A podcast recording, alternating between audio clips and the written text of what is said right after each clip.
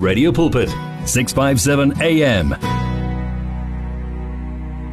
Wamanje ke asithole imotivation sinaye elayinini ubut Elijah Skosana hey mfundisi wami sawubona Kunjani sisibahle? Ngiyaphila wena unjani? No ngiyaphila ngiyaphila sisiwami. Yo. Ya ngiyaphila ngomusa kaNkuluNkulu. uNkulunkulu sasigcinile. Amen. Siyaphila. Bese sithi nakuwe happy birthday uNkulunkulu akwandisele, uNkulunkulu akukhusele, uNkulunkulu akugcina kubusise kuwo konke okufisa ukukwenza. Amen. And then ke sibingeleleke nabalaleli. Bala ekhaya ngegama lika Jesu Kristu waseNazaretha. Hallelujah. Amen. Hallelujah. Mm, Siyabonga yebo, ukuthi nakulolu suku uphinde usijoine. Uyazi nje bengilalele yo imotivation yakho last week ngathi ay Yes. siyawadinga ngempela amazwi afana nalawa azos encourage Yeah. ngoba singabantu um uyabona nje namuhla kukanje kusasa kukanje so uma ungawatholi amazwi azok encourage uzogcina nje usuphelelwe ithemba u- umuntu lo uthi hayi Yeah. Ngiyaphila nje ngoba ku- ku- ngizothini U- uyayibona. So siyawadinga amazwi afana nalawa. Namuhla ke us encourage ngamaphi amazwi? Na- namhlanje uNkulunkulu uthi uma umoya wemibuso okuvukela mawungayishiyi indawo yakho. mm ithi ngiyiphinde futhi sisibahle ngoba izwakala inamandla kithi yeah mm. uma umoya wemibuso ekuvukela mawungayishiyi indawo yakho Sure. uyazi wena sisibahle singabantwana bakaNkuluNkulu sisempini hayi empini yenyama Mm. kodwa sisempini kamoya Yeah. so nasesi attack si attack spiritually and sometimes sinokubona izinto sezilana singaziboni sesekude bese siyawa sisibahle and then nasesiwa bese siyamgxeka uNkulunkulu sithi lo nkulunkulu bekakuphi sonke lesikhathi. If uNkulunkulu bekakhona kube angiwanga kube akwenzakalanga lokhu. Kanti uNkulunkulu uthi lokhu ngikuvumele. Khumbula ku- ku- kuJobe uNkulunkulu wathi wa- uku- uku- uku- i- isimo sika Job uyakhumbula ukuthi usathane wafike wa- wa- wa- wafika kuNkulunkulu and then nakafika kuNkulunkulu just to cut short uthe nakafika kuNkulunkulu emcela uJob uNk- uNkulunkulu wamnika ipermission ukuthi aye kuJobe. Kodwa uNkulunkulu wathi kuJobe lalela wena Jobe mawungawuthinti umphefumulo wakhe. So azange akhulume noJobe uNkulunkulu kungani uNkulunkulu ngakhulumi noJobe na? Ngoba ngiyamethemba uJobe uyindodana yami uyinceku yami elungile kodwa wena sathana ngithembe. So ngithi namhlanje ke uma imimoya yemibuso ikuvukela mawungayishiya indawo yakho ngoba uNkulunkulu ukuthembile. It's not about you it's about God. Njengoba lezi zinto zikushaya kukhona okukhulu okuzayo akusingawe ngenxa yalento uNkulunkulu ayibekile kuwe. Kumele undlule kulesimo ngoba nawe ungadluli kulesimo angeke ukwazi ukufinyelela kulento kumele ufinyelele kuyo. So uNkulunkulu kumele akwazi ukukuvivinya uNkulunkulu kumele akwazi ukukuphula uNkulunkulu kumele akwazi ukukuyehlisa ukuze yena akwazi ukuphakama kusasa uzokwazi ukubatshela nabantu ukuthi lo nguNkulunkulu ngoba wangidlulisa kulesimo so namhlanje mntaka baba ngithi uma umoya wami kusikuvukela mawungayishinda yakho uthi uNkulunkulu but those who wait on the Lord shall renew their strength. They shall mount up with wings like eagles.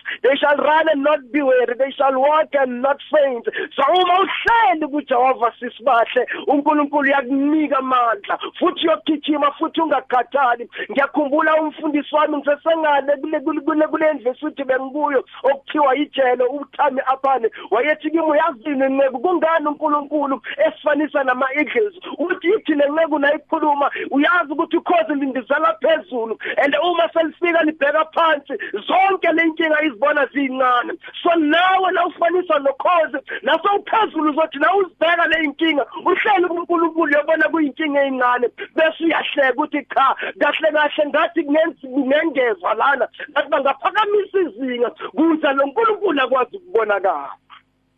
Mm mm. Injalo sisibahle injalo mm, injalo mm. sisibahle leli bese lithi lithi izwi kaNkulunkulu and not be conformed Yeah. to this world Yeah. but be transformed by the renewing of your mind that you may prove what is that good and acceptable and perfect will of God. So noma kungenzeka noma yini la emhlabeni so wena mawungavumi ukuthi lo mhlaba ukwenze walelizwe ngoba wena kusiwalo lelizwe uyirenewa kanjani ingqondo yakho? Na?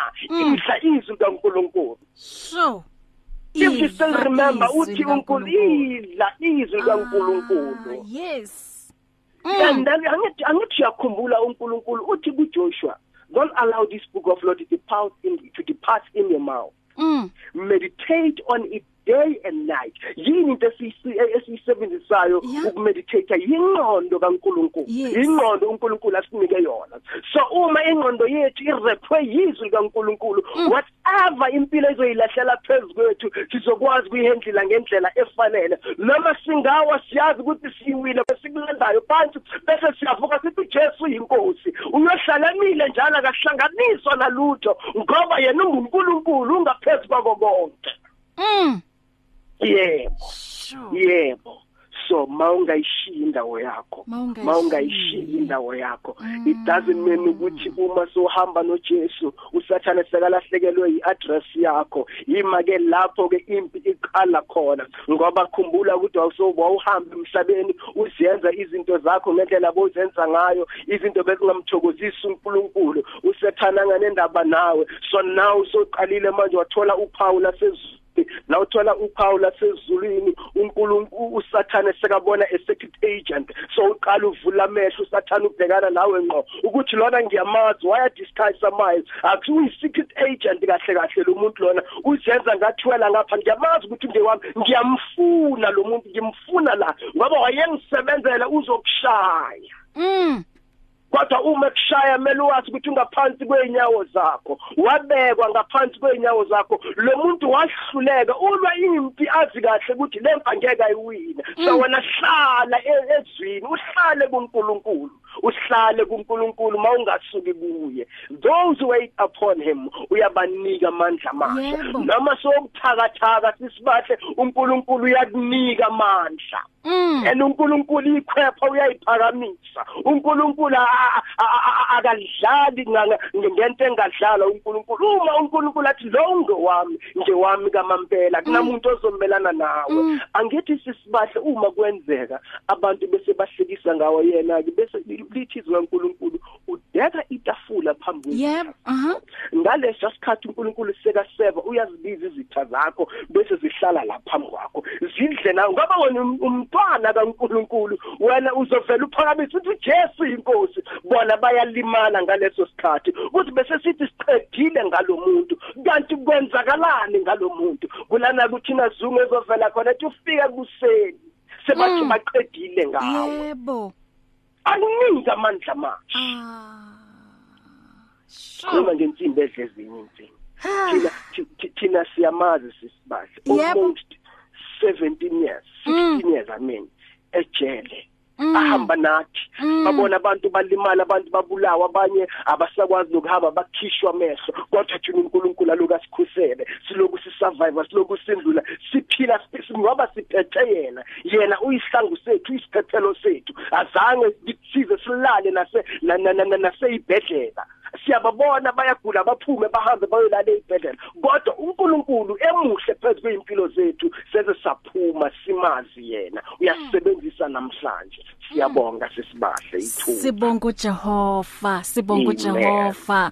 Thank you so much eh but Elijah angiyacabanga ukuthi naloyo njengoba ngisasho phambilini ukuthi u- uyazi nje akasena hope uyitshela ukuthi Yeah. impilo iphelile ngalamazwi owakhulumayo kulentambama uzophakama uzowakuka amasocks Yeah. athi hayi ngiphokophela phambili ngoba Yeah. ngiyazi ukuthi uJehova unguJehova ongahlulwa yilutho uma nje ngingakuletha konke kuyena yebo Yes. um akukho nje oku impossible kithina emehlweni ethu nangeyinqondo zethu kunezinto esizibuka Yeah. sibona ngathi zi impossible akubuke nje uJehova athi hayi hayi mina nginguJehova I am Yeah. who I am angihlulwa Yes. ilutho. But Elijah thank you so much. May God bless you. Ubut Elijah Amen. bamthola kuphi? Mhlambe nje balalele bathi hayi siyamfuna. Ukuthi nathi azosimotivate U- utholakala kuphi? Yeah inumber is 063 mhm 468 mhm 7261 ngicela waphinde? 063 mhm 468 mhm 7261 Thank you. alternatively Yeah. enye inumber is 072 474 6601 Thank you. Oh, Siya yes, Okay, siyahlangana siyabonga. futhi nasevikini elizayo ngithi. siyahlangana nasevikini elizayo Ukhalimamba Ujesu uthi Senkosi. uthi amen ku motivation. amen siyabonga Hallelujah. Sihlangana next week ngaso futhi lesisikhathi. God bless you. One vision, one voice, one message. Radio Pulpit 657 AM and 729 Cape Pulpit, impacting lives from Gauteng to the Cape. Radio Pulpit's Facebook page makes you more a part of the station than ever before. Now you can give your opinion regarding our programs or even contact your favorite presenter. You can get the latest news and existing programs and communicate with other listeners. Come on, let your fingers do the talking on Radio Pulpit's Facebook page. It's interactive and dynamic. Just visit facebook.com forward slash Radio Pulpit. Did you know you can order your favorite Radio Pulpit programs on CD so that you can listen to them whenever you like? Contact our friendly client services department now to place your order. You will find them on 012 334 1200 657 AM, your daily companion. You and 657 AM and life, a winning team on the road to eternity.